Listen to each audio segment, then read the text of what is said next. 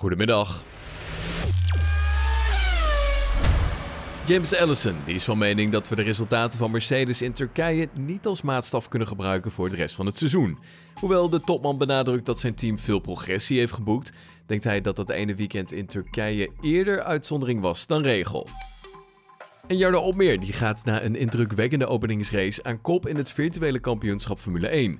De Nederlander die komt uit voor het team van Mercedes en heeft met 63 punten een gat geslagen van 14 punten ten opzichte van zijn concurrent bij Aston Martin.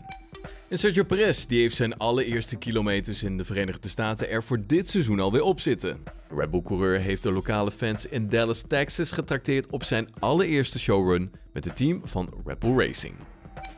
En dat was hem dan. Wil je op de hoogte blijven van het allerlaatste Formule 1 nieuws? Download dan de gpfans.com app.